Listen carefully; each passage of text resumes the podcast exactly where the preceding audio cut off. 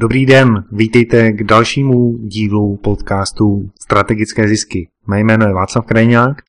A na druhé straně telefonu je Martin Mikláš. Ahoj Martine, jak se daří? Ahoj Václav. No u mňa je to také cestovné, zábavné tento týždeň. Lounge sme prežili nejaký, takže veselo. Děje se to hodně. Za mnou je taky lounge a my jsme teď v přípravě jednoho z největších webinářů, co tady vůbec v Čechách a na Slovensku byl, aspoň co se délky týče a možná i počtu hostů. My v momentě, kdy připravujeme tenhle ten podcast, tak máme naplánovaný webinář, který bude trvat 8 hodin a bude na něm 9 hostí, plus možná ještě přijde nějaký další. Takže jsme se rozhodli podělit se s vámi o know-how, které za tvorbou webinářů stojí a říct vám, k čemu takový webinář může být a jak vám může pomoci v podnikání, ať už prodáváte online nebo offline. Ale předtím, než se do toho pustíme, tak Martine, ty máš nějaký zajímavý příběh. Áno, ja som sa dostal k jednému príbehu človeka, ktorý sa živí tým, že jednoducho robí webináre, na tie webináre pozve niekoľko ľudí, odprezentuje ten svoj produkt, ktorý predáva, prezradím, že je to produkt pre doktorov a potom tí doktori vo väčšine prípadov si objednávajú. A jeden z tých prvých webinárov, ktorý nakopol kariéru tejto osobe, bol taký, že tá osoba predala 120% produktov v porovnaní s návštevníkmi webinára. Teraz, keď nám to ten človek rozprával, tak my sa na neho pozeráme, že no moment, moment, tu nejako nesedí matematika. Jak sa dá predať viacej ľuďom, než prídu na webinár? No a ten človek povedal, no bolo to veľmi jednoduché. Na ten webinár sa mi dostavilo 5 ľudí. Aj, takže tu je poučka číslo 1. Aj pokiaľ sa vám dostaví 5 ľudí, tak ho urobte. Jednoducho je to dobré urobiť, je tam tá energia a jednoducho máte materiál, ktorý môžete v budúcnosti použiť. Takže poučka číslo 1. A teraz, dobre, dostavilo sa 5 ľudí. Stále je všetko v poriadku a že ako to prebiehalo, tak samozrejme povedal som to, čo hovorím vždycky, alebo povedala, hovorí ten človek, dobre, odprezentoval to a teraz na konci webinára, samozrejme, že došlo nejakých 5 objednávok, Takže z 5 ľudí došlo 5 objednávok, takže to je druhá poučka, že webináre sú skvelým nástrojom, pokiaľ sú dobre pripravené na konverziu a na predaj produktov a služieb. A teraz, že dobre, ako sa dostaneme zo 100% na 120? A ten človek hovorí takúto vec, že no, ja som to síce robil len pre 5 doktorov, ale jeden z tých doktorov, alebo jedna z tých doktoriek, čo tam bolo, tak aj jej partner, alebo partnerka, manžel, manželka, je tiež doktorom. Hej, tie pohľavy asi teraz už nepamätám ale tým pádom, že si to objednal aj jeden z partnerov, tak aj druhému sa to páčilo a objednal si to aj druhý. To znamená, že tento človek mal na webinári 5 ľudí a dostal 6 objednávok. Takže o takomto nástroji sa dneska budeme rozprávať. To je opravdu unikátní výsledek a jsem zvědavý, jestli se nám to podaří v neděli zopakovat. Já jsem se vlastně k webinářům dostal až v momentě, kdy jsme začali dělat eh, nějaké věci online, začali jsme prodávat online a bylo to v roce 2000 12, kdy jsme s Pavlem Farou v jeho kampani dělali první webinář pro finanční poradce. Pavla Faru musíme také někdy pozvat do našeho podcastu. Když jsme připravovali ten webinář pro finanční poradce, tak jsme měli na začátku asi tuším 60 lidí, kteří se zaregistrovali a na samotný webinář dorazilo také něco kolem toho počtu 60 lidí, takže to bylo veliká konverze. Ta se postupně snižovala. A když jsme dělali prezentaci, představili jsme našeho hosta a potom jsme dali prodejní nabídku, tak jsme byli překvapení, kolik jsme v ten daný moment získali na jednou objednávek. A to nás nakoplo k tomu, že jsme do budoucna říkali, ty webináře to musí být součást našeho prodejního trichtýře. A ještě jedna věc se tam stala. My jsme Martine, ty o tom budeš mluvit, ale my jsme používali v tom roce 2012 ještě nebylo možností, jak webinář udělat a my jsme si založili účet na GoToWebinar, No a na tom GoToWebinar, tak eh, tam je potřeba platit. Měsíčně se tam platí podle toho, kolik eh, lidí chcete mít na webináři, tak se platí od 100 dolarů až po 500 dolarů a ještě možná je to dražší varianta. No a my, když jsme ten webinář spouštěli, jsme zjistili, že nám nefunguje platební karta. Takže jsme teď stáli u počítačů, měli jsme všechno připraveno, měli jsme mikrofony, ale nemohli jsme zaplatit ten webinář, aby jsme ho spustili. Takže byla neděle večer, já jsem neměl platební kartu, Pavel neměl platební kartu, takže jsme museli volat hostovi toho webináře, aby nám s tím pomohl. On nám nadiktoval číslo karty přes telefon, my jsme ho zadali a na poslední chvíli se nám podařilo ten webinář spustit. To bylo opravdu zábavný. No, moja história s webinármi začala ešte trochu niekedy dávnejšie. Ak som zakladal rozhľadňu v tom roku 2009, tak možno, že tam som robil svoje prvé webináre k tým prvým launchom a veciam, ktoré sa vtedy odohrávali. Ale taký najväčší webinár, ktorý sme pripravili, tak to sa priznám, že bolo s Davidom Kiršom, kde sme tiež museli vyťahnuť platobnú kartu, ale to sme vedeli, že čo nás čaká. V tom roku 2009-10 to stálo ešte asi tých e, tisíc dolárov, čo mám pocit, že je 20 tisíc korún českých, možno dneska podľa kurzu 25 tisíc už by to bolo, ale v tom čase to nebolo až také strašne drahé. Ale krása toho bola, že naozaj na ten webinár sa nám dostavilo tisíc ľudí. Takže to by som povedal, že bol jeden z takých rekordov a mimochodom tá platforma umožňuje maximálne tisíc ľuďom sa napojiť. Aj väčší balík za normálnych okolností nemajú. Druhá vec, ktorú chcem povedať je, že dneska, pokiaľ robíte webinár, aj pre 10 tisíc alebo 100 tisíc ľudí, tak ho môžete spraviť úplne zadarmo. A teraz asi by stalo za to povedať si o plusoch a mínusoch toho, že aké sú tie dve riešenia a tým pádom, že tie webináre od toho roku 2009 robím, tak samozrejme nie je vždycky človeku povoli vyťahnuť platobnú kartu a dať za tú hodinku s ľuďmi, ktorú stravíte naživo, niekoľko tisícov korún. Takže Samozrejme, hľadal som rôzne možnosti a rôzne spôsoby, ale priznám sa, že do dnešného dňa sme nič nenašli a existujú iba dva spôsoby, ako robiť webináre. Ten prvý je zadarmo, a má nevýhodu, o ktorej sa pobavíme o chvíľku. A tá druhá možnosť je platená. Tá platená možnosť má takú výhodu, že vy ste s tými ľuďmi naživo. To znamená, ako keď niekomu telefonujete. Plus, samozrejme, pokiaľ to ten organizátor umožní alebo chce, tak sa môžete priamo zapojiť do rozhovoru alebo priamo môžete spraviť konferenciu s desiatimi ľuďmi, kde môžu všetci naraz hovoriť. Takže toto je výhoda toho GoToMeeting alebo GoToWebinar nie sme ich partneri, nepropagujeme ich nejako za peniaze, ale v podstate pokiaľ chcete mať kvalitné webináre a komunikovať s ľuďmi naživo, tak je dneska na trhu len jedna jediná možnosť. Samozrejme, keď začnete hľadať po internete, nájdete takisto som ako ja našiel za tých 5 alebo 6 rokov, čo robím webináre, XY služieb. Osobne som tiež vyskúšal XY tých služieb, ale niektoré nepodporujú napríklad češtinu a slovenčinu, takže pokiaľ vám tam ľudia napíšu svoje meno, tak už sa zrazu nebudú volať Mikláš, ale sa budú volať Mikl a vy si budete hovoriť, že no kto je toto, kto to tu prednáša. Takže každé z tých riešení, čo sme našli, potom ešte jedna služba existuje zadarmo, ktorú sme našli. Lenže v tej službe sa zobrazujú reklamy po boku, takže to zase strháva pozornosť tých ľudí. Takže možnosť číslo 1, platená GoToMeeting, GoToWebinar, všetky tieto veci a názvy, ktoré počujete v tom dnešnom podcaste, nájdete na web stránke strategické zisky.cz alebo strategické zisky.sk pod dnešným podcastom. No a GoToWebinar, já ho používám hodně často a je to hlavně z toho důvodu, že on je primárně založen na tom, že děláte nějakou prezentaci. Takže pokud vysíláte prezentaci a nepotřebujete být vidět na kameře, tak je to ideální způsob. Ta kvalita přenosu obrazu je opravdu skvělá a samozřejmě můžete si udělat záznam z toho webináře. A další výhoda, kterou máte, je, že všichni lidé, kteří jsou tam přihlášení, tak vám můžou posílat otázky a vy je vidíte jménem. Takže vy vidíte, že Martin Mikláš napsal otázku XY a můžete ji zodpovědět. Také ten nástroj umožňuje dělat živé ankety. Takže vy se můžete svých diváků zeptat, jestli se jim líbí možnost A, B nebo C a tím pádem je dobře zapojit do děje. Samozřejmě to vyhodnocení máte hned v reálném čase k dispozici a zase ho můžete zveřejnit. Já i přesto, že jsou nástroje zdarma, na které se teď podíváme, tak mám placený GoToWebinar právě z tohohle důvodu, že tam se svými zákazníky, s lidmi, kteří jsou připojení, můžu komunikovat, můžu oslovovat jménem a je to velmi jednoduché na používání. A co k tomu ještě můžu říct? Pokud byste to chtěli vyzkoušet, tak máte možnost na 30 dní si otevřít účet u GoToWebinar a 30 dní používat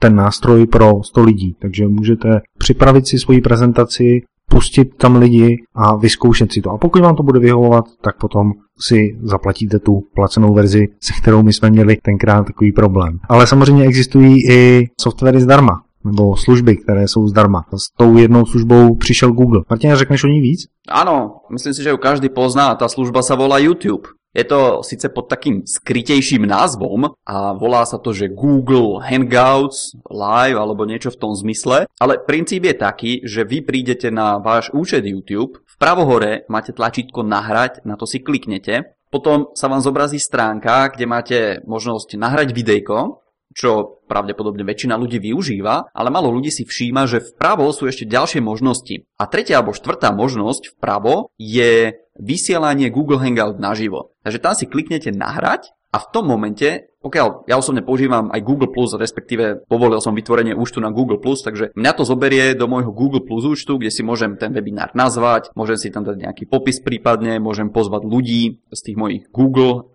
plus okruhov a takisto pokiaľ ho nechcem začať okamžite, tak mám možnosť si vybrať čas a dátum, kedy spustiť ten webinár. Takže pokiaľ ste už niekedy boli na stránke menom YouTube a náhodou tam aj máte účet dokonca, tak máte v ruke naozaj silný nástroj, ktorý je zároveň zadarmo. Ten nástroj je zadarmo a zároveň využívá síly, kterou má Google a kterou má YouTube. Takže vy nemusíte se omezovat na 100 lidí, na 1000 lidí, ale vy můžete vysílat pro několik tisíc lidí najednou. Jeden z velkých webinářů, který jsem spolu pořádal, tak byl až pro 4000 lidí najednou. Ale i přes 10 tisíc lidí po celém světě se může připojit na váš webinář a vy je můžete oslovit a prezentovat jim svoji myšlenku nebo případně jim dát svoji nabídku.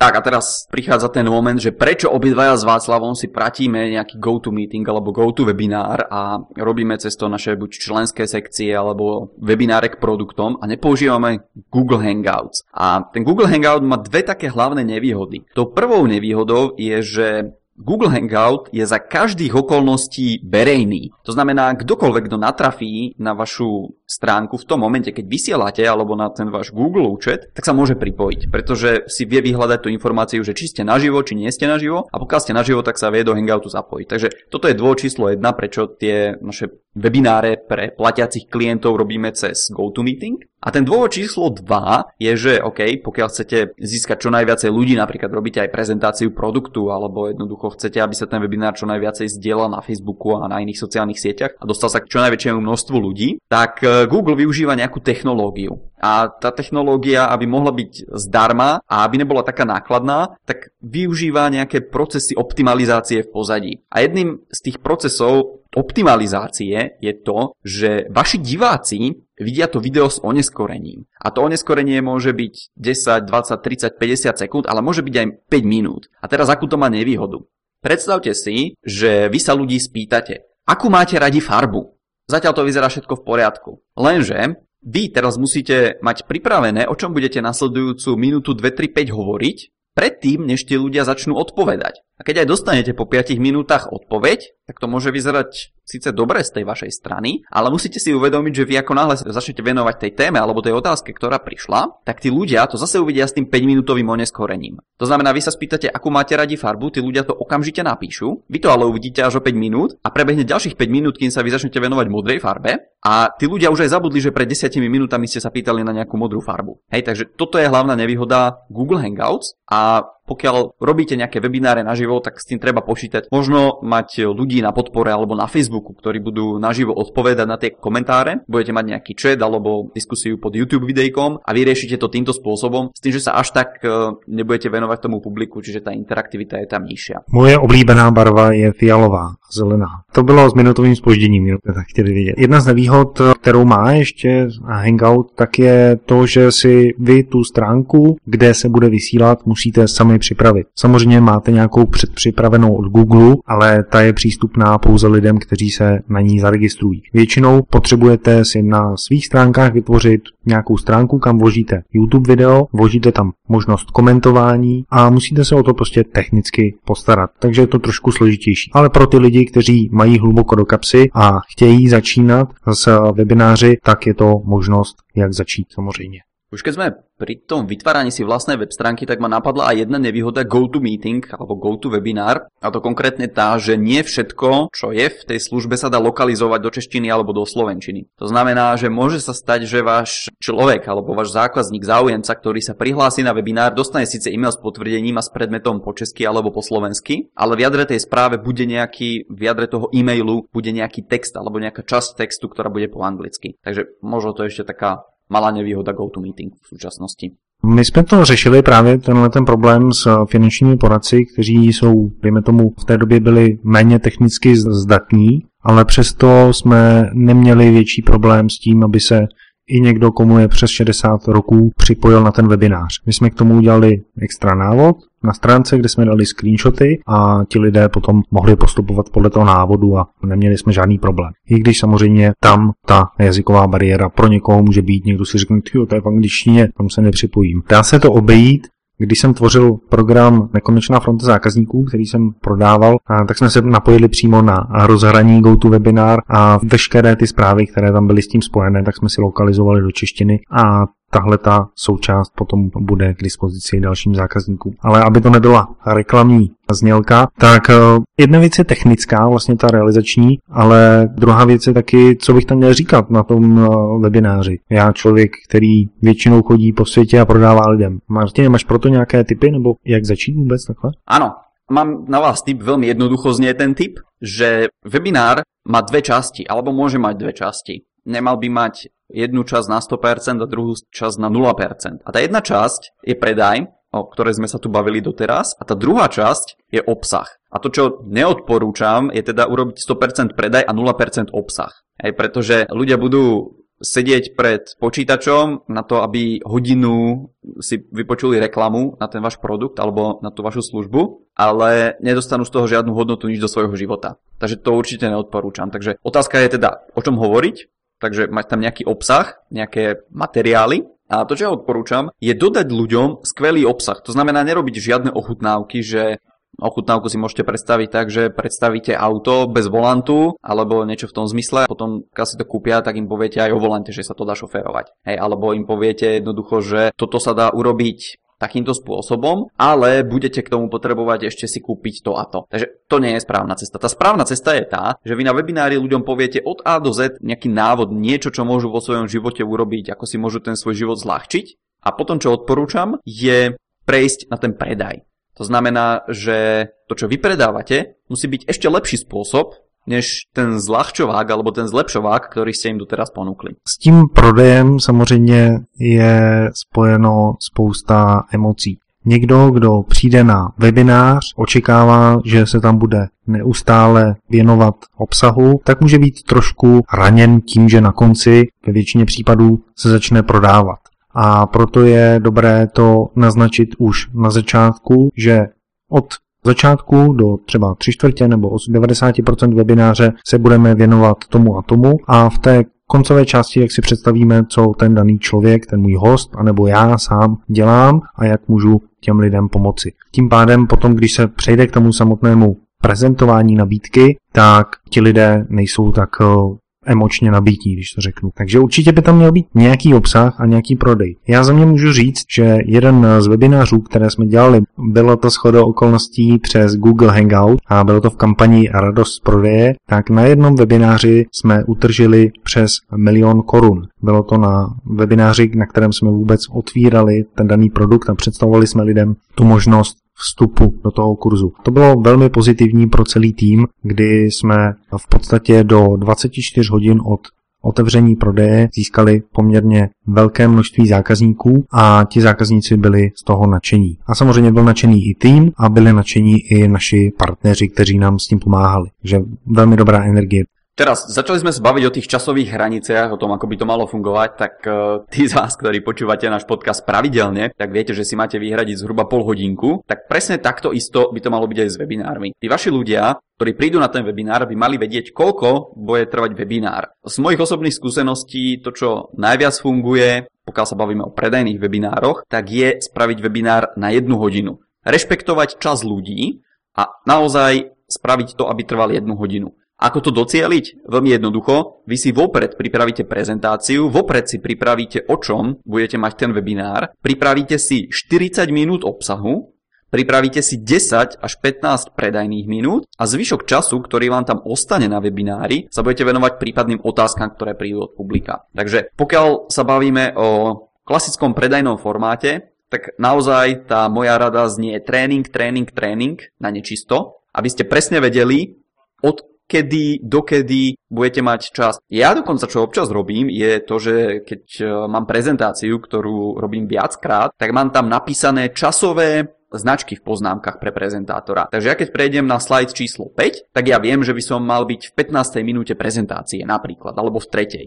To je teraz jedno. Hej, takže pri každom slajde mám zhruba napísané, OK, teraz by som sa mal nachádzať v tej a tej minúte. Pokiaľ je čas prezentácie naživo lepší, tak viem, že dobre, pokiaľ máte otázky, tak ich napíšte do komentárov, ja sa im môžem potom neskôr povenovať a prípadne pokiaľ prídu otázky k téme, tak sa im môžem začať venovať okamžite. A pokiaľ je to opačne, že jednoducho zaostávam, tak musím rozmýšľať dobre, ktoré z tých nasledujúcich pripravených častí, príbehov, prezentácií alebo vecí môžem skrátiť, zjednodušiť alebo vynechať úplne. A tým pádom sa aj na tom živom webinári viem zmestiť do 60 minút, budem rešpektovať čas ľudí a pokiaľ sa povie 60 minút, pokiaľ máte známych alebo rodinu v Nemecku, tak viete, že oni sú punktlich a musí to presne trvať 60 minút a nemajú radi, keď sa to predlží. Pretože ako náhle vy niečo slúbite a vy slúbite webinár začína o 20.00 a bude trvať 1 hodinu a začne 20.05 a bude trvať 90 minút, tak máte okamžite dve mínuska a znižuje sa tá vaša konverzia. Takže čo máš k času Václav ešte ty?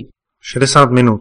To je čas, který je potřeba mít připravený a který opravdu musí být svižný. My jsme zkoušeli různé délky webinářů a opravdu záleží na tom, co na tom webináři chcete dělat, jak vy sami, tak potom s těmi vašimi zájemci. Jeden z nejdelších webinářů, který jsem dělal, tak byl přes Google Hangout a ten trval 5 hodin. Začali jsme v 7 hodin večer, v 11 nám Google vypnul omezením časovým ten webinář a my jsme ho nastartovali znovu a potom jsme jeli ještě hodinu. A myslím si, že nebyli tam všichni lidé, samozřejmě připojení od začátku do konce, ale kdo chtěl, tak se připojil na chvíli a potom zase odešel, když chtěl jít spát. Ale my jsme tam měli hosty, a bylo to opravdu zábavné a poučné pro ty lidi, byla tam velmi dobrá zpětná vazba. Takže toto je trošku zase iný formát, ktorý je zameraný na to, aby ste dávali hodnotu a není zameraný na to, aby ste niečo predali. Už keď som začal hovoriť o, tej, o tom čase a o tom punktlich a presnosť, tak ešte doplním, čo je dobré. Dobré je začať ten webinár 5, 10, 20 minút vopred, podľa toho samozrejme koľko ľudí očakávate. Google alebo respektíve YouTube vám napíše, koľko ľudí máte už teraz naživo pripojených, takže keď vidíte, že vám začnú narastať čísla, alebo aj na GoToWebinar, pokiaľ vidíte, že vám tam sa začnú pripájať ľudia a sú tam 50 minút pred začiatkom, tak spustite si vašu prezentáciu a majte nachystaný prvý slajd, ktorý potom v YouTube je odkaz vylepšenia pod vašim videjkom, keď si ho otvoríte a tam je možnosť zostrihať si to video. Takže si zapamätáte, dobre, začal som o 10 minút skorej, tak prvých 10 minút musím vystrihnúť. A v tých prvých 10 minútach môžete prípadne zodpovedať nejaké otázky ľudí, majte pripravený slide, na ktorom bude napísané začíname o 20.00. Ja tam osobne mám moju fotku a mám tam napísané, že webinár hostí Martin Mikláš. Takže to je ten spôsob, akým to ja robím. A ľudia, ktorí prídu aj skorej, tak budú vedieť, že aha, niečo sa deje, som tu správne, všetko je tak, ako má byť a potom začnete presne na čas. Malá nevýhoda je, hovorím toho Google Hangout, že aj keď vy začnete na čas, tak tým ľuďom sa to spustí s miernym oneskorením. Pokiaľ použijete GoToWebinar, tak samozrejme tam je to naživo a pokiaľ začnete o 20.00, tak sa to všetkým spustí o 20.00 v tej istej sekunde. Martin, já si tam takovou kastířskou otázku. Kolik si udělal webinářů? Víš to takhle z hlavy? Bylo ich 101, 105? Strašne veľa. Bolo obdobie, keď som za týždeň robil aj 2-3 webináre v tom roku 2009, 10, 11 to znamená, že číslo 100 tam padlo behom prvého pravděpodobně roka dvoch. No, tak uh, to je bod pro tebe, virtuální. Vůbec uh, k čemu ten webinář použít a pro koho je dobrý? Vy ho můžete samozřejmě použít i pokud nejste na internetu stále. Vy můžete své zákazníky, které už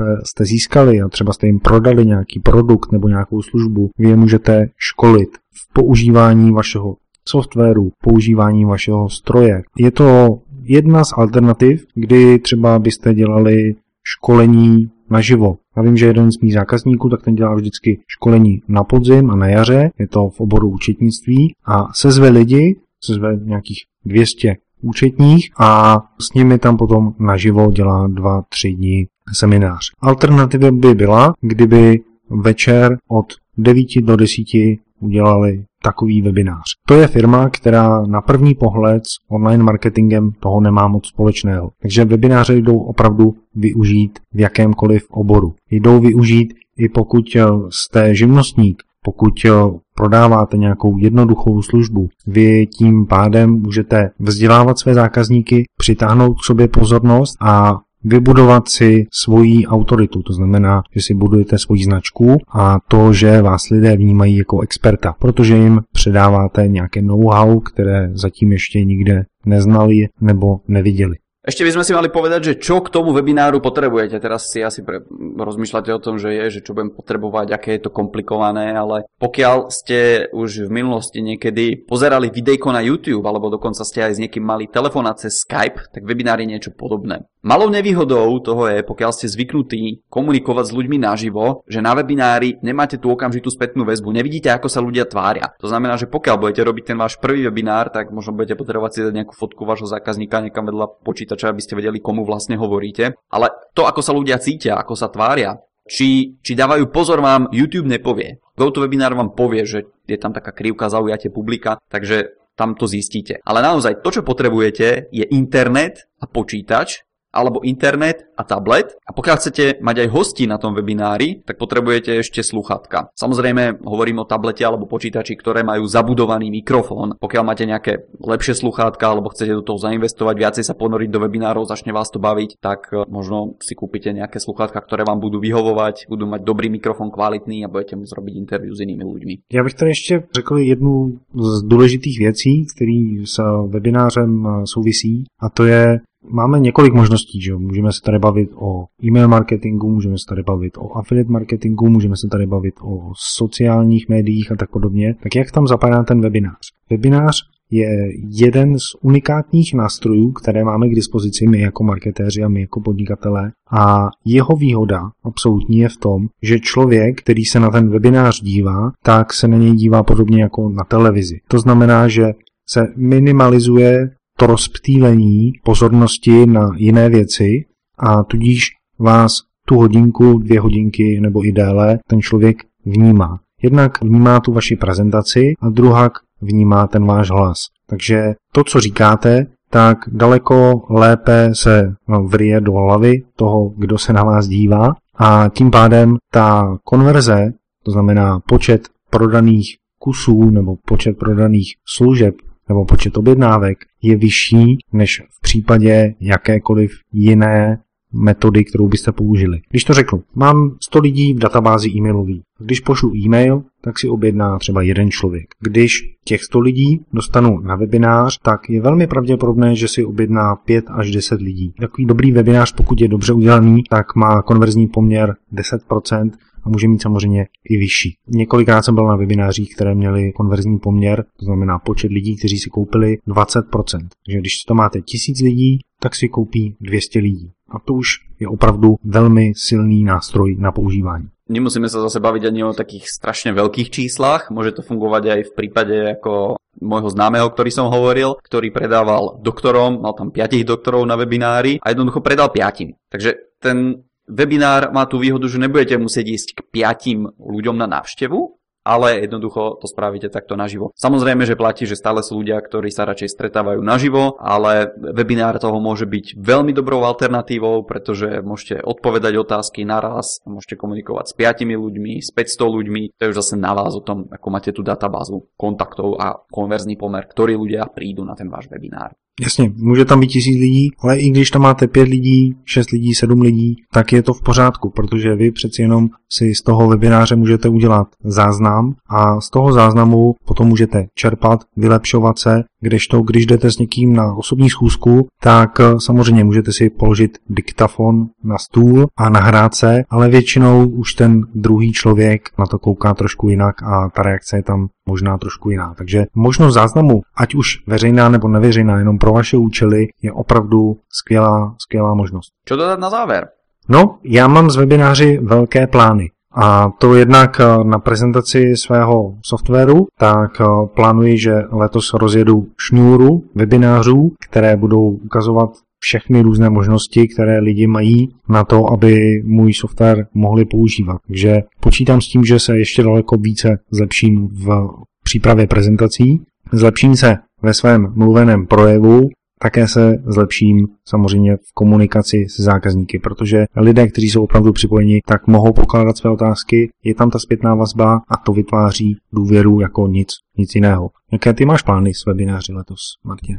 Webináre, tak pravidelne robím webináre, vždycky to padne na inú časť tých mojich platiacich klientov, to znamená, že v produkte 1, 2, 3, 4, 5, 6 postupne sa to strieda a raz za 6 týždňov možno to vyjde na ten jeden produkt, plus samozrejme do toho ešte sa pridávajú webináre ako napríklad uh, túto nedelu, ktorý sme robili už uh, v čase keď počúvate tento obsah. A tým pádom sú tam ďalší ľudia, ďalšie produkty, ďalšie veci sa pridávajú. Takže mením webináre používať aj ďalej. A možno ešte taký tip pre vás, pokiaľ ste v minulosti nerobili. A možno teraz sa bojíte, že ale ja síce viem v tom mojom obore niečo, som expert. Nemusíte sa báť urobiť webinár, pretože expert je človek, ktorý vie viac ako väčšina ľudí. A pokiaľ sa zaujímate o tú vašu oblasť, pokiaľ v nej robíte, pokiaľ ste v nej aktívni, tak je veľká pravdepodobnosť, že naozaj ste tým expertom, ktorý vie ľuďom dať viacej. Takže v mojom prípade, keby som robil webináre o blogoch, o WordPresse, o pluginoch, o zvyšovaní ziskov, tak väčšina ľudí, ktorí prídu na webinár, si z toho niečo odnesú. Pokiaľ tam aj prídu nejakí experti, tak stále je možné, že budú počuť jednu alebo dve veci, z toho webinára, ktoré im pomôžu v tom ich podnikaní. Takže uvedomte si, že nikto nevie všetko a je v poriadku, ak sú tu ľudia, ktorí vedia viac. Ale otázkou je, že robia títo ľudia webináre? A dobre, aj keď robia webináre, tak majú fanúšikov, ktorým sa to páči? Dobre, aj keď ste teraz odpovedali áno, tak v tom prípade je to jednoduchá odpoveď, že super, z toho vyplýva, že existuje trh a aj vy máte šancu stať sa obľúbeným v tej danej oblasti.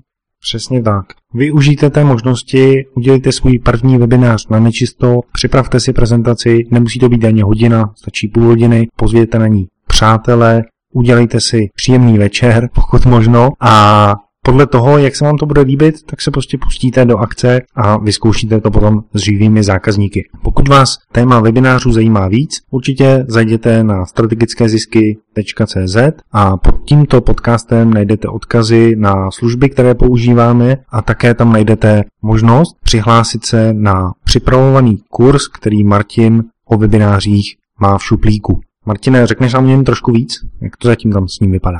Jak to vypadá. Prezentácia je celá prepravená, už som ju chcel niekedy v minulosti prezentovať a v podstate čaká sa už len na to, kedy bude vhodná chvíľa, vhodný čas, vhodná príležitosť a nebude mať toľko webinárov a plánov a cestovania v týždni v programe, aby sa to iba zrealizovalo. Takže pokud chcete vědět od Martina, jakým způsobem dělat webináře, jak se na to připravit, jak obsahově, tak technicky víc do hloubky, tak jděte na stránky strategickézisky.cz a nechte nám tam svůj e-mail a Martin se vám ozve, až ten správný čas nastane. Do té doby sdílejte odkaz na strategické zisky se svými přáteli a pokud jste na iTunes a posloucháte nás přes iTunes, tak je tam možnost napsat nám recenzi. Napište nám, jak se vám náš podcast líbí a dejte nám nějaké ty hvězdičky, pokud možno pět. Pokud byste jich dali míň, tak mi napište, proč jsme jich nedali pět. Ďakujeme za pozornosť a prajeme vám úspešný týždeň. Do počutia.